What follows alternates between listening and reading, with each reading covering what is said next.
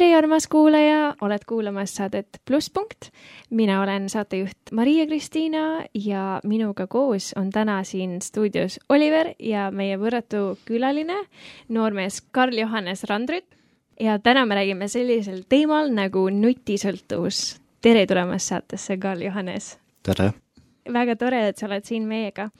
aga räägi meile natukene endast, kes sa oled, kust sa tuled, millega sa tegeled? Olen tegelenud juba näiteks kümme aastat judoga, vaikselt annan ise trenne, olen õppinud kitarri muusikakoolis, kas või näiteks Nordekatel, kus ma nüüd käin, on vahepeal võib-olla ülistuses kaasa aidata, siis on kohe hea, akordid on meeles ja saab seal mängida.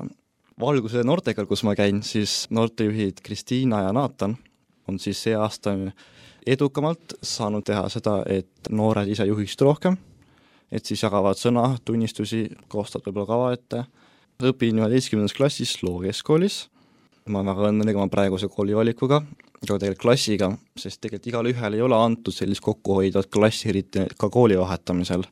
et alati tekivad kambad vanade õpilaste vahel ja uued vaadake, kuidas nad hakkama saavad.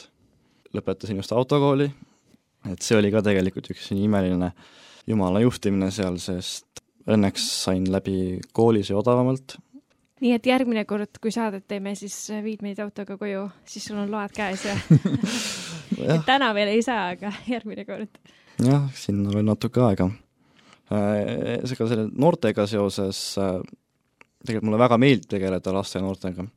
et see alati toob sellise positiivse tunde sisse. ühe asja sa unustasid ütlemata sa ju tegelikult ka siinsamas Plussmeedias lööd kaasa, mis sa siin teed? jaa äh, pluss ajakirjas olen siis kas mingi filmiarvustuse kirjutanud või noh, see ei ole otseselt arvustus, ülevaade rohkem, võib-olla sellisest kristlikust vaatepunktist. ja sa oled ka kaamera taga, sa ainult ei kirjuta jutte? jah, Viis pluss noortesaates aitan ka siis kaasa stuudio kaamera taga seal, pluss siis tegelikult igal pool, kui kutsutakse siis kas filmima või pildistama, et kusagil on vaja praktikat saada. tulles tänase teema juurde, milleks on nutisõltuvus, siis kui sa vaatad kas või oma tuttavaid noori, kui suur tänapäeval see nutisõltuvuse probleem on? ütleme, oma tutvusringkonnale vaadates pigem on väiksem mm, võrreldes kas või nooremate inimestega. ka linnas ringi vaadates on näha bussipeatustes ja tänavatel ja ostukeskustes lihtsalt noh, kaheksas-üheksas klass istuvad telefonis. et muidugi noh, kohati aru saada, et pole midagi ju teha, aga kui sa istud seal telefonis, siis ei olegi midagi teha selles mõttes kui palju noored keskmiselt päevas telefonis istuda võivad, et kui suur see aeg on ja millest see sõltub? see aeg, kui palju istutakse enamasti, kui konkreetselt telefon tuua, sõltub pigem vist aku elueast, et eh, kui kaua peab see aku ühe laadimisega vastu. samas on ju ka kaasas kogu aeg akupangad ja laadijad, sa saad kogu aeg laadida ja olla muudkui telefonis edasi. jah, enamasti ma tihtipeale ei mõtle vist nii kaugele ette siiski enamasti istutakse selle ühe laadimisega, sest noh, tegelikult tänapäeval on akud juba päris kaugele arenenud. et siis pole ebatavaline, kui mõne ekraani aeg on seal võib-olla kuus, seitse, kaheksa tundi päevas. aga mida siis noored teevad telefonis? ütleme nüüd siin viimase kahe aasta jooksul TikTokis on väga paljud, et see on selline väga suur tõmbenumber kõige rohkem väiksemate noorte seas, kuna noh, tegelikult kõiki neid sotsiaalmeedia arendatakse nii, et sa istuksid seal aina rohkem. et nad üritavad aru saada, mis sulle meeldib, siis annavad aina rohkem seda, mis sulle meeldib, et siis ütleme, TikTokil on kõige paremini see õnnestunud enamasti. no räägitakse sellest, et see on äh, Hiina luure ja nii edasi, aga samas, mis see on, mida väiksemad noored vaatavad sealt? mingid tantsuvideod või? tegelikult see ei ole enam tantsuvideod, mis alguses tegelikult, kus see välja arenes, vaid on igasugused nii-öelda meemid, naljad, mingi muu lihtsalt puhas jura. et see tuleb niimoodi väga lihtsalt, muu jura sinna vahele. mida sina telefonis teed ja kui pika osa päevast sina telefonis oled? mina koolis siiski istun vahepeal sotsiaalmeedias, kui tunnis on igav ja siiski on ka minuni jõudnud selles mõttes, aga enamasti Spotify siiski kuulan noh, muusikat päris palju. et see on selline mõnus viis aja veetmiseks. aga nüüd võib-olla oleks aeg kuulata esimest muusikapala, et mis sa meile valmis oled pannud? ma arvan, esimeseks lauluks sobiks väga hästi äh, Wake, Hillsong Young and Free poolt, kuna see oli ka mu esimene kristlik laul, mis mulle meelde jäi ja meeldima hakkas. väga tore, kuulame siis Wake'i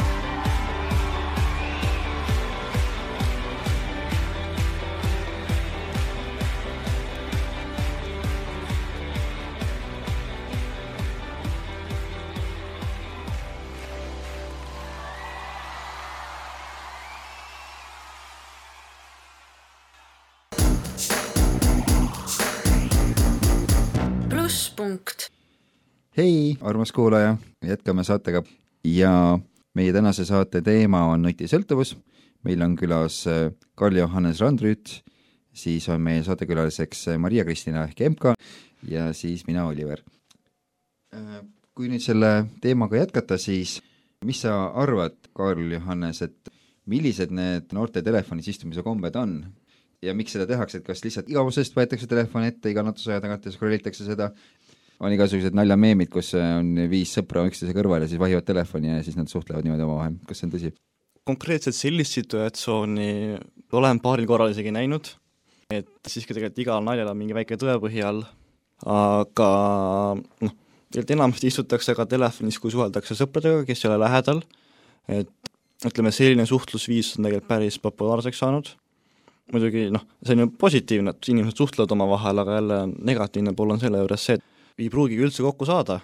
sellist loomulikku suhtlust jääb aina vähemaks. aga enamasti siiski istut-, istutakse ise kusagil üksinda nurgas, väga ei taha, et keegi näeks, mis sa teed seal. on ju need kutsuvad notification'id ka ja siis avastad ennast, et sa niisama scroll'id. on sul endal ka niimoodi juhtunud? enamasti mul ei tule väga mingisuguseid teavitusi endal telefonisse, kuna ma olen välja lülitanud, noh, see lihtsalt häirib, aga mõne asja puhul ma olen sisse jätnud ja siis noh, enamasti on see asjalik asi olnud, siis ma vaatan selle ära, enamasti pole midagi teha olnud, siis tahab kohati minna kuhugi mujale edasi rändama. kas kasulike notification'ide alla käib ka näiteks piibliäpi teavitus jaa, käib küll, see käib hommikul kohe niimoodi, et ärkan üles, siis kohe tuleb salm uus Piibel pluss äpist et kui äratuskell käib, siis tuleb ka sealt teavitus, et loen siis selle hommikul esimese asjana ära, enne kui kuhugi edasi üldse läheb. Ma küsiks sellise küsimuse, et kas see on üldse halb, et me oleme nii palju telefonis?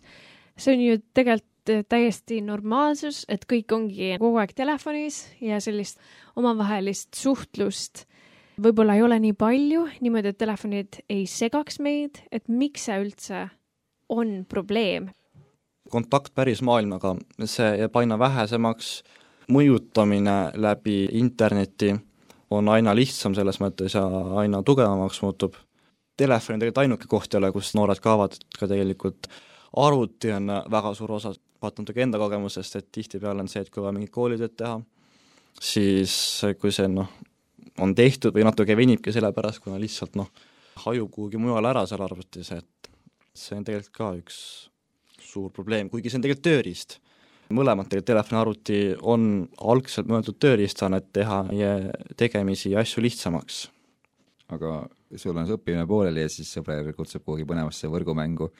tegelikult ma väga ei mängi, et eh, pigem arvutis, kui on siis Youtube'i sattumine sest siiski noh, mängu sa pead lahti võtma ja siis sa ootad seal mõnda aega ja siis alles lähed sinna sisse ja kohati kaob siis juba isu ära. siis küll, kui tõesti ei ole lihtsalt mitu päeva võib-olla arvutis olnud ja on õhtu käes, et sa ei tee enam midagi õues, siis võib mõne mängu selles mõttes teha. eks sõltuvus on see, mis tuleb ka inimese ja Jumala vahele. näiteks esimese Korintuse kuus kaksteist öeldakse, et mulle on kõik lubatud, siiski kõigest ei ole kasu. mulle on kõik lubatud, siiski miski ärgu saagu meelevalda minu üle. et ükskõik, mis sõltuvusega on tegemist, et siis see saab inimese üle jõu ja meelevalla ja siis inimene ei saa enam selleta elada, mitte tema juhi ise oma tegemisi, vaid siis see, millest ta sõltuvuses on, see juhib tema elu ja see saab äh, selliseks ebajumalaks tema elus. jah, võib-olla me ei näegi seda nutisõltuvust niimoodi, nagu me näeme, ma ei tea, alkoholisõltuvust või ma ei tea, suitsetamist, aga tegelikult on ju ka tegemist ikkagi väga tugeva sõltuvusega ja seda on võib-olla isegi rohkem kui teisi sõltuvusi, et tegelikult on väga-väga oluline ja, ja keeruline teema, on ju. ma kõndisin just kaks päeva tagasi tänaval ja üks armas koolijüts kõndis mulle vastu. noh, võib-olla esimese klassi poiss oli ja ta oli telefonis, mängis seal mingit mängu, silmad olid ekraanil, kui ta edasi kõndis.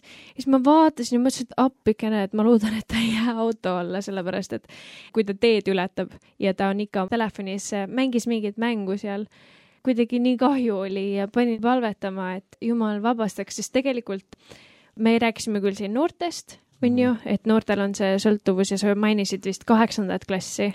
jah, see on nagu, kus on nagu kõige tugevam hetkel ma olen tähele pannud et sinnamaani. väga suureks teemaks on ka laste seas, lapsed võib-olla ei olegi nii palju seal sotsiaalmeedias, kus meie oleme, vaid lapsed mängivad igast neid mänge, aga et isegi tänaval enam ei saa kõndida rahulikult niimoodi, et sa ei mängi oma mänge ja unustad ära selle, mis toimub su ümberringi. ja tegelikult lastele ja noortele mõjub ka see, kui nad ise ei saa vanemate tähelepanu, sellepärast et vanemad istuvad seal nutitelefonis ja sätivad seal või siis vahivad kogu aeg ainult uudiseid ja siis on sellest sõltuvuses. siis on näha, kuidas väike laps näiteks üritab kuidagi ema või isa tähelepanu saada, seal näitab mingeid asju või siis ütleb talle mitu korda, aga see on pahane, et ära sega, ma istun seal praegu vahin midagi. ja muidugi ka tervisele ju mõjub halvasti see sellepärast et äh, meie silmad kannatavad, me ei liigu nii palju, kui me võiksime liikuda. ja nii, nagu sa, Karl-Johannes, enne mainisid ka, et me ei oska enam päriselus suhelda.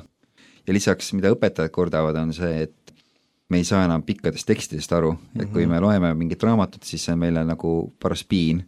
kui meile söödetakse ette kogu aeg mingeid väikseid niisuguseid äh, ühe minuti videosid või siis selliseid pisikesi tekste, kus on kaks või neli rida, et äh, et siis me harjume selle pisikese info hulgaga ära ja me ei suuda süveneda, kui on midagi tõsisemat vaja ette võtta.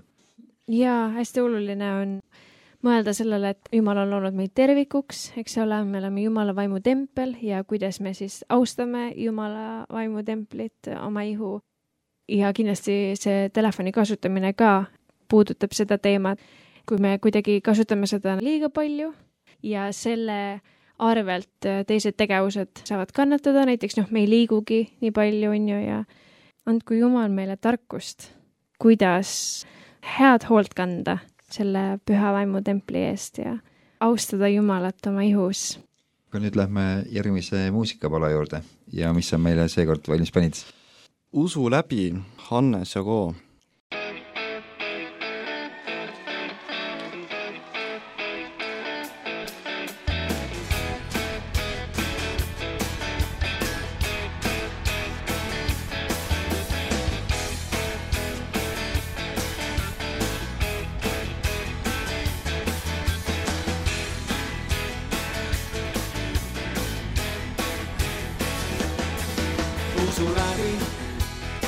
kindlaks ma jään, usu läbi.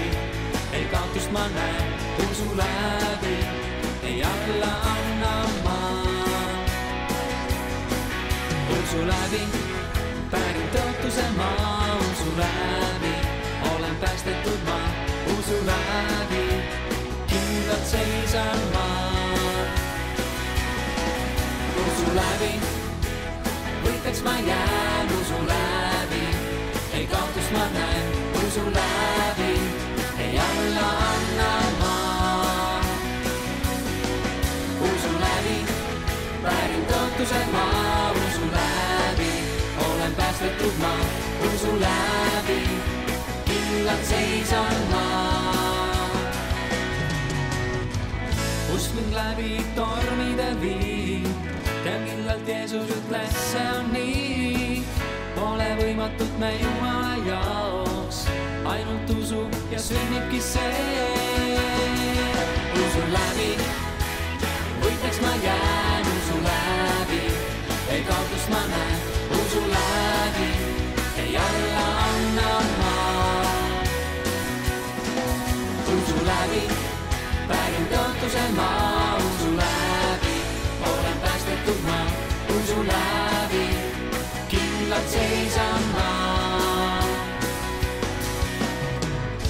mind läbi tormide viib, tean kindlalt Jeesus ütles, see on nii. Pole võimatut veel Jumala jaoks, ainult usu ja sünnibki see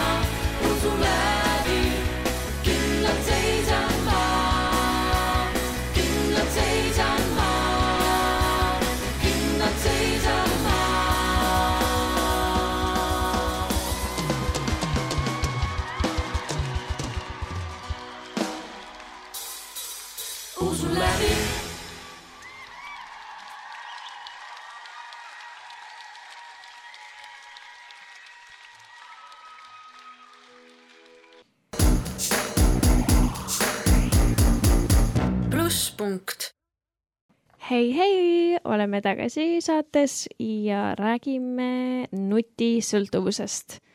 Karl-Johannes, sul oli üks mõte, mida sa tahtsid jagada? jaa, tegelikult Oliver jõudis natuke ette sellega, aga ma tahtsin ka ette lugeda esimese Korintuse kuus kaksteist, sest see on küll mitte eelmine, vaid äkki üle-eelmine pluss ajakiri, seal lõpus oli test, kui suur nutisõltlane sa oled, siis selle panime ka sinna lõppu, sest ongi nii, et mulle on kõik lubatud, siiski kõigest ei ole kasu. et ega need värvilised ekraanid äh, algselt olid mõeldud tööriistadeks, aga nad on kahjuks saavutanud kas mingite erinevate põhjuste läbi siis muu tähtsuse meie ühiskonnas, aseainena enamasti. et sellel võib siis olla ka noh, mitmeid põhjuseid, kas siis nooremate seast võib olla see, et vanemad ei pruugi nii palju tegeleda, siis võib-olla kohe esimesele klassile kingivad nutitelefoni, et näe, vaata, võib-olla üritab sellega näidata, et nad siiski on seda ära unustanud, aga sellega kohati võib ka karu teine teha, et siis, kui ei ole noh, läheduses kedagi, siis läheb kohe sinna nagu seda tegevust otsima. see on tõsi küll jah, et eriti kui elu on pingelisem, siis vanemad kipuvad eh, jätma siis selle teleri või siis eh, nutiseadme lapsehoidjaks nii-öelda. jah, mõnda aega võib-olla see teebki elu kergemaks, et eh, laps istub seal ja siis on vaikus majas, aga siis peab ka seda ohtrasti vaatama, et, et see üle käte ei läheks.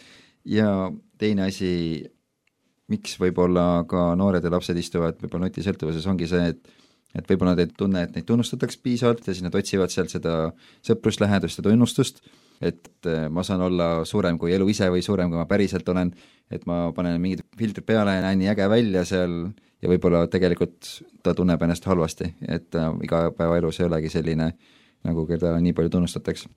jaa, ma arvan, et see on viis, kuidas põgeneda, võib-olla mina ise olen kasutanud äh, oma telefoni, ma ei tea, mingeid videosid, sotsiaalmeediat, et põgeneda mingisugustest muredest, mõtetest, asjadest, millele ma ei taha mõelda, millele ma ei taha keskenduda. et ma usun, et see on ka tänapäeval suur teema, et kas sa siis äh, üritad, ma ei tea, summutada mingit valu või kuidagi põgeneda probleemide eest ja mitte nendega tegeleda. jah, ja kui me siin rääkisime, et see on tööriist, see on täiesti tõsi, et mõõdukastes kogustes selle kasutamine on väga vajalik ja kui sa õigetes asjades kasutad, lisaks pole vähem tähtis see, et mida seal näidatakse meile sotsiaalmeediast, et seal on ka igasuguseid jubedaid asju, mingeid enesetapumänge ja mis iganes, millega nooremaid teismelisi rünnatakse. mis sina sellest kuulnud oled, Johannes? ütleme tegelikult selle ettesõitmisega on ka mitte küll minul endale kogemus, aga ühel väga lähedasel inimesel ongi noh see, et ta on ise ka kristlane, aga noh, ta küll äh, huvitus rohkem joonistamisest, aga järsku lampi hakkas ka igasugu muid jurasid ette viskama, et tihti sellistest asjadest võivad ka mingid muud sõltuvused edasi areneda, kas või näiteks siis pornosõltuvus, sotsiaalmeedia on selliseid ebarealistlikke pilte täis, millest siis noored hakkavad juhinduma. Ja mida rohkem sa seal istud, seda rohkem on tõenäosus, et äh, tuleb selliseid asju, mida sa tegelikult nägema ei peaks.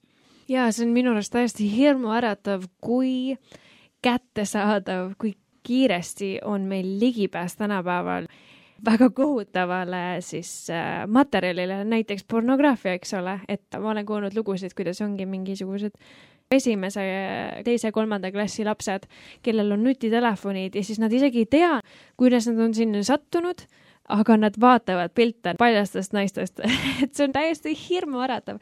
minul on selline tunne, et kui minul on kunagi lapsed, siis ma, ma vist kolin kuskile maale ilma telekata ja ilma telefonideta. nüüd okei okay,, maale tahaks küll kolida võib-olla, aga kõige eest neid hoida ei saa, on ju.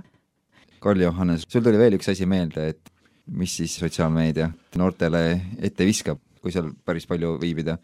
jah, sotsiaalmeedias võib ka populariseerida noorte keskel e-sigaretti, mis on kuidagi liiga tavaliseks saanud, just ka algklassides, sest need on ju hea maitsega, sotsiaalmeedias tihti keegi tossutab, vaatab, et äge on, praegu ei mõisteta veel, mis selle tagajärjed on mida need e-sigaretid sisaldavad, peale selle nikotiinisõltuvust tekitava aine on see igasuguseid muid mürke, mis on näiteks arseen, mida kasutatakse rotimürgis, on mingeid metalle, tsink, alumiinium, nikkel, plii, tina, atsetooni, mis on küünelake eemaldajas.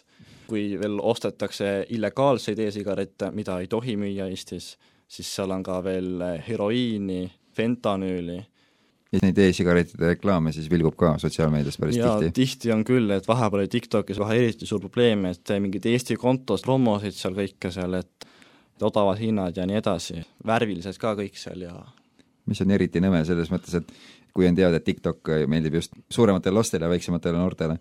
mis see lahendus siis võiks olla sellele probleemile otseselt lahendust võib-olla ei oska öelda, et tihti vanemad ei pane tähele ka, sest tüdrukute puhul võib see kuhugi hajuda sinna meigiasjade sisse ära, ma ei tea, ma hetkel võib-olla ütleks, et vaatab, mis aeg toob, et kui võib-olla juhtub samamoodi, mis suitsuga juhtus kunagi mm.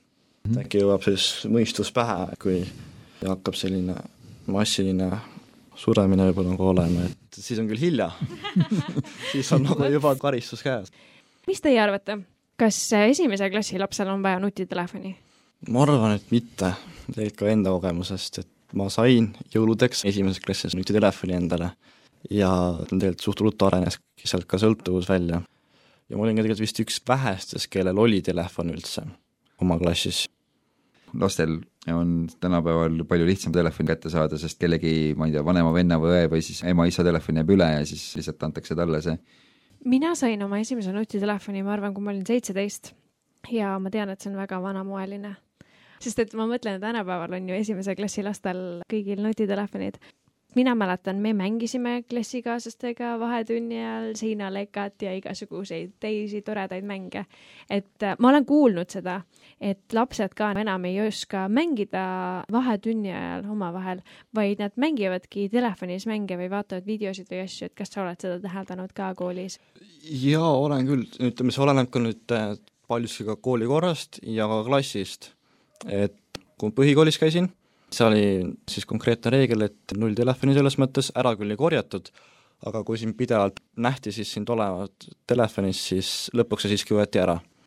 ma olen tähele pannud, et siiski algklassid rohkem mängivad, mõnes vanemas koolis võib-olla ei pruugi ruumi olla seal, lihtsalt kitsad koridorid, aga siis uues koolis, kus ma nüüd käin, kuna seal on tasuta wifi võrk, nüüd küll pandi kinni see, vist arvatavasti sellepärast, kuna liiga palju vist istuti telefonis. siiski algklassides tegelikult päris paljud mängisid fuajees seal, ongi, oleneb klassist, keskkonnast, et kuidas see külge hakkab. see, sa rääkisid, et sul oli ka nutisõltuvus kunagi, et kuidas see sinu lugu oli ja kuidas sa sellest lahti said? ja ma olen isegi kuulnud, et sul oli vahepeal meelega nuputelefon hoopiski nuputelefon aga ei olnud küll selle sõltuvusega seotud, see oli lihtsalt, et mulle meeldisid need. Aga tegelikult oligi kohe, kui ma esimeses klassis selle nutitelefoni sain, mul oli ka vist piiramatu internet siis, suht tegelikult haruldane selles mõttes, mängisin seal klassikaaslastega tihti telefonis, istusin ise seal, vaatasin mingeid asju, ütleme, see tegelikult sai noh, päris suureks asjaks, et ma isegi mõnikord äkki pidin korra päevas telefoni laadima, et edasi olla. aga siis tegelikult lahti saingi tegelikult sellega, et võtsin selle ise perega õhtupalvesse ma sain aru, et see on tegelikult sõltuvus nagu iga teine sõltuvus ja see ainult tegelikult viib kaugemale Jumalast siis. sai ka lahti sellest, eks see ikka tahab mingit moodi tagasi hiilida, sellega on siis pidevalt võitlemist. no nii palju, kui mina Karl Johannest tean, ta on alati hästi korralik poiss, selline, kes hoolib sellest, et kõik oleks joone järgi ja nii, nagu jumal tahab ja nii, nagu vanemad tahavad, et see on hästi tubli, et sa ise selle endale ette võtad. aga kui nüüd rääkida sõltuvusest, et kui me enne oleme ka mitu korda rääkinud, et telefon iseenesest ei ole halb asi, et see on tööriist ja samamoodi arvuti, samamoodi sõltuvus võib ka teistest headest asjadest tekkida, nagu ma ei tea, sport või toit või muusika, lihtsalt kui see saab tähtsamaks ka Jumal ja hakkab su elus olema number üks asi ja teised jäävad kõik tagaplaanile selle nimel. nii et Jumal kutsub meid mõõdukusele, et kõike peab olema parasjagu just nii palju, kui Jumal seda meile ette näeb. Aga sa ütlesid, et see ikkagi hiilib, et see sõltuvus ikkagi tuleb tagasi mm -hmm. vahepeal, kuidas sa siis sellele vastu hakkad või mis sa siis teed? siiski üritan ka nii-öelda oma enesejõust vastu hakata ja üritan nagu piirata seda. Telefonis on küll lihtne, sa paned seal mingid ajalimiidid mingi asjadele peale, telefoniga probleemi ei olegi. tihti arvutiga on olnud, et siis tulebki kas uuesti valvesse, et ainult niimoodi saabki sellest lahti see ongi asendustegevus millestki, et üritad täita mingit tühja kohta sellega, tuleb see tühi koht täita õige asjaga. ja selleks on? ongi Jumalaga suhe, palve, piibli lugemine, ka tegelikult teiste teenimine. amen. jaa, ma ise üritan jälgida seda, et mida ma rohkem teen ühe päeva jooksul, kas ma veedan rohkem aega sotsiaalmeedias või ma veedan rohkem aega Jumala sõna lugedes ja kui ma tean, et ma esimest teen rohkem, siis on midagi paigast ära. et kui ma veedan Jumalaga vähem aega, kui olen sotsiaalmeedias, siis kuidagi üritan teha mingeid samme, et vähendada seda sotsiaalmeedia kasutamise aega, et prioriteedid oleksid paigas, ühesõnaga. nii, kuule, aga äkki teeks ühe muusikapausi jälle mis laulu me kuuleme nüüd? jälle näiteks eestikeelne laul, Pepe bändi Arm nii võrratu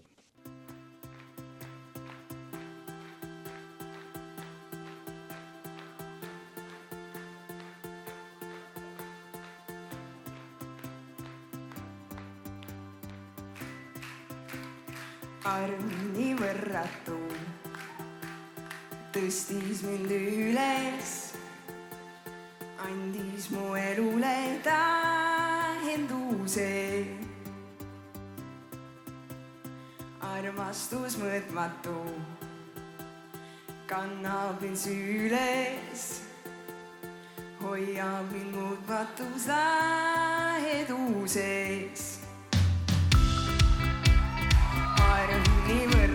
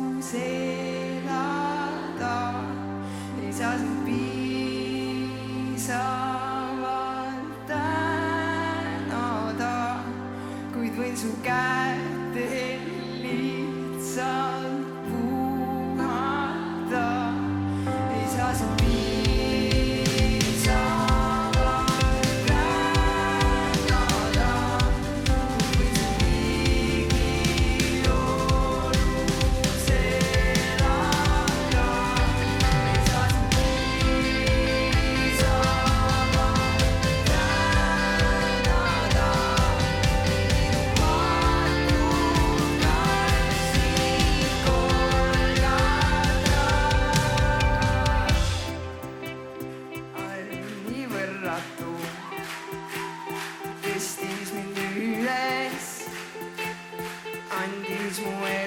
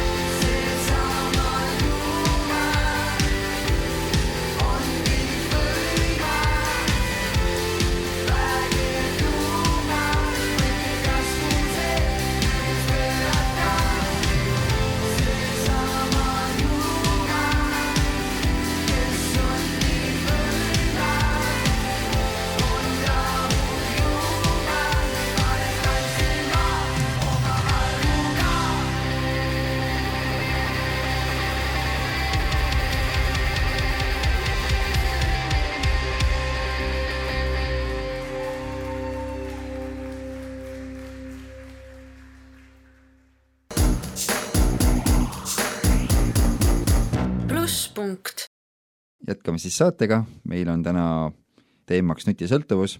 stuudios on MK, siis Oliver ja meil on külaliseks täna Karl-Johan Žandrid.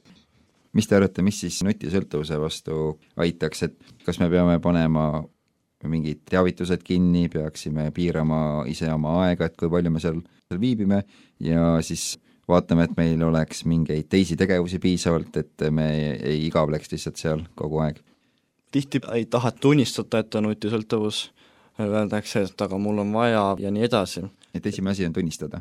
jaa, et siis üle käia, kus sa siis istud nii kaua, et kas sul on reaalselt vaja seal olla, et võib-olla alustada, et kas siis selle piiramisega, telefonis on eriti lihtne tegelikult teha seda, või siis noh, üldse ära kustutada, kui sa tõesti avastad, et tegelikult sul mitte ühtegi neist otseselt vaja ei lähe, siis noh, mine pulli pärast nupitelefoni peale. Kristlastel on tegelikult ka see, et hoida suhe korras Jumalaga, sest see on asendustegevus, mida kurat tahab väga hoolega nüüd ette sööta, et me siiski hoiaksime Jumalast võimalikult kaugele kui võimalik. amen, ma olen nõus sinuga. ja mina ise lisaks omalt poolt seda, et äh, minu jaoks hästi tõhus vahend saada lahti sellest äh, nutisõltuvusest, kust ma ennast aeg-ajalt siis leian, on see, et ma kustutan mingid rakendused ära mingiks ajaks. et oligi siin praegu paastuaeg ja siis ma tundsin, et ma olin jälle nii palju Instagramis ma kustutasin selle ära, olin täitsa eemal, ma ei teagi, kas kuu aega võib-olla või ja nii hea on olla, sellepärast et kui sul on vaba hetk, siis sa ei haara oma telefoni, et scroll ida mõttetult, vaid sul pea on puhtam ja sa saadki mingeid muid tegevusi teha. väga soovitan seda ja võib-olla sa tunned, et sa ei saa teha kuu aega, sest see on liiga pikk, siis väiksed tibusammud on ka juba, ma arvan, väga olulised, et alustadagi kasvõi ühest päevast või paarist tunnist, kui sa tunned, et sa ei saa rohkem. et juba see on, ma arvan, väga suur võit, kuna me oleme nii kinni oma telefonides, siis ma arvan, et juba üheks päevaks olla eemal sellest sotsiaalmeedia mürast, ma arvan, see on juba suur võit ja siis me ise ka näeme, et vau wow,, et okei okay,, ma sain hakkama selle ühe päeva, et mis siis oleks, kui ma teeksin näiteks kaks päeva või paar päeva juba ja et tegelikult ma arvan, see on väga sihuke praktiline tipp, mis mul väga hästi toimib. ja nagu sa ütlesid ka, kindlasti palve on hästi oluline. et me ei teeks seda omaenese jõust, vaid Jumal annab meile enesevalitsust, on ju, jumal aitab, et me ei kogu aeg scroll'iks seal, vaid ta ju tegelikult tahab, et me suudaksime kontrollida oma tegevusi, et me ei haaraks kogu aeg seda telefoni ja nii et kindlasti on sellel väga suur koht, et jumalat appi hüüda selles. jaa, ma olen MK-ga hästi nõus, sellepärast et ma enne polnud kunagi seda teinud, mul polnud kunagi mingit sellist sotsiaalmeedia probleemi ka, et ma niisama mõttetult scroll isin, aga nüüd millalgi, ma ei tea, paar kuud tagasi tekkis see ja siis kusjuures MK enda eeskujul ma siis tegin samamoodi, et ma kustutasin lihtsalt Insta ära mõneks ajaks. Ja huvitav on see, et pärast seda Insta ei saada mulle enam nii palju teateid ka igasuguste asjade kohta, et ma lihtsalt mõnikord, kui ma sinna arvu lähen, siis ma näen, et oi, keegi on kuskil mõne pildi üles pannud, aga selline, plõnn, keegi pani pildi üles, keegi midagi muutis, seda enam ei ole. ja kas ma tohin veel lisada seda, et minu arust võib-olla ei olegi vaja neid teavitusi igal pool mm, -hmm. et Mhm. need sees oleksid, sest et no näiteks võtame Instagrami, et mis see teadmine annab mulle praegusel hetkel, kui ma näen, et keegi alustas live-videot või mingit sellist asja, onju. aga samas ma usun, et äh, elu kuidagi muutub rahulikumaks ka, kui sa mingid teavitused, mida sa saad välja lülitada, lülitadki välja. et ma saan aru, et võib-olla mingid on keerulisemad, töökohas meil on oma Messengeri grupp ja siis on vaja neid sõnumeid näha, aga kasvõigi, teate, mul on niisugune tipp ka, et ma olen teinud täitsa sotsiaalmeedia vabu päevi ja mingid sellised reeglid, et ma näiteks nädalavahetuseti ei loe meile üldse ja panengi need teavitused välja, täiesti puhkad kõigest sellest mürast. kuulajad ka tahaks julgustada, et mõtle, et kas sa saad mingid teavitused välja lülitada, et nii, mis siis saab, kui sa näiteks ei saa Instas neid notifications eid, kas midagi jääb katki?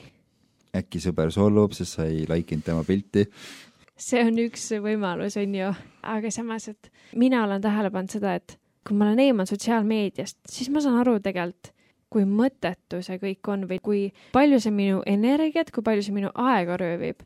aga tegelikult siis sa saad aru, et okei okay,, ma olen paar nädalat eemal olnud ja, ja ma ei ole absoluutselt igatsenud, ma ei tea, näha, mis keegi hommikusöögiks sööb või noh, mingeid selliseid väga random pilte, mis Instagram tihti pakub. et siis saad aru, et tegelikult see ei ole oluline, et elus on nii palju olulisemaid asju. aga samas, kui mul on see rakendus olemas, siis ma neid pilte näen, siis ma nagu ei mõtle selle peale, et oi, et mida see mulle just andis, et see ei andnudki mulle mitte midagi.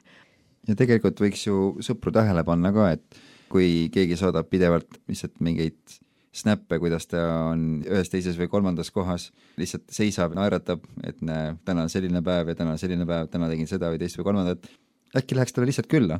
Läheks vaatama, kuidas seal läheb, teeks temaga midagi koos, sest ilmselgelt tal on tähelepanuvajadus ja ta igatseb kellegi läheduse järele. Jah. amen. lisaks ka ise oma poolt selle juurde, et see teavituste mahavõtmine oma kogemusest, olen ka lihtsalt maha võtnud, kuna mul endal pole internetti, et ma siis, kui wifi't on, siis ma saan vaadata. Et tihti mingi hunnik teavitusi tuleb siis korraga, siis telefon on mingi mõnda aega kasutusest, hakkab jälle kõike seal välja otsima, mis keegi kusagil teinud ja siis on ka see, et kui ma olen maha võtnud ja kui lähengi vaatan siis mõnda sotsiaalmeediasse, kus pole ammu käinud, siis jälle on seal kohati pole nii palju vaadata, et ei viitsigi seal midagi teha. et läheb jälle automaatselt kinni, et jah, et nende teavituste mahavõtmine, see aitab kaasa. kas see on vahe ka nendel ennetavatel tegevustel ja siis nendel, kui sul juba ongi tõsine sõltuvus, et mida siis peale hakata? muidugi ennetamise puhul on see kõvasti lihtsam, aga mis teha siis, kui ongi juba tõsine sõltuvus? võib-olla raamatu vastus oleks, et tunnista ja räägi teistele sellest ja ise võta palvesse, kui sa ainult lased teistel selle pärast palvetada ja ise üldse ei panusta sellesse, siis ega sellest väga kasu ei ole. siiski olema ka enda tahtmine sellest lahti saada, et kui sul polegi tahtmist, siis sa võid igasugu asju teha ja need ei toimi. pead ise asjaga kaasas olema. tõsi jah, et mõistmine, et see on mulle endale kahjulik tegelikult, et see on kõige alus. ja mine räägi siis vanematele, kui sa ei julge rääkida vanematele, mine räägi näiteks noortejuhile või noortepastorile, sellest ja kui tema ise ei oska aidata, et ta pole nagu seda andjat sõltuvustest kedagi ravida, siis ta kindlasti teab seda inimest või seda kohta, kuhu sind saata, kus sinusse suhtutakse nagu toredasse inimesse, ei vaadata, et sa oled ise paha, vaid et sul on sõltuvuse patt, millest on vaja sind vabastada, et sa oled ikka tore inimene sellest hoolimata. Äh, Karl-Johannes, kas sa tahad veel midagi lõpetuseks öelda, midagi, mis jäi kripeldama ja me ei andnud sulle võib-olla võimalust seda öelda, siis nüüd on sinu hetk. eile ma käisin isaga seal valgustel meestega kaasas. et noh, käisin ka seal võib-olla natuke mõtteid kogumas, kirjakohti kuulamas, et äkki, mis nagu siis sobiks siia. tegelikult on ka see piiblis öeldud, et kahte jumalat ei saa teenida, et sa tegelikult teenid üht täielikult ja teise unarasse jätnud. et siin tulebki nüüd see otsus teha siis, et kumba sa tahad aitäh sulle, Karl, tulemast. meil on jäänud nüüd ainult kuulata viimane lugu, aga enne seda, kas sa oleksid nii kena, teeksid noortele ühe lõpupalve? jah, tõesti, tavaisa, tänan sind selle eest, et saade sisu saab jõuda kuulajateni. palun, et see teema, mida me täna käsitlesime siin, et see puudutaks noori, lapsi, vanemaid inimesi, ükskõik, kes seda kuulas, tõesti, et nad saavad lahti mõtestada enda selle sõltuvuse, selle probleemi, sest nad saavad tuua selle sinu ette, et nad leiavad selle nipid ja motivatsiooniga sellest vabaneda tõesti, et see on asendustegevus, mis, mis üritab asendada tegelikult sind, Taavisa, jõudu ja tarkust sellega tegelemiseks. Jeesuse nimel, aamen. aamen, amen.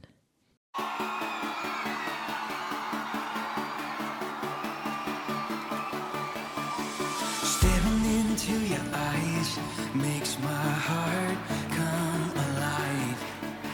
Suddenly brought to life when I met you. Reaching beyond the skies,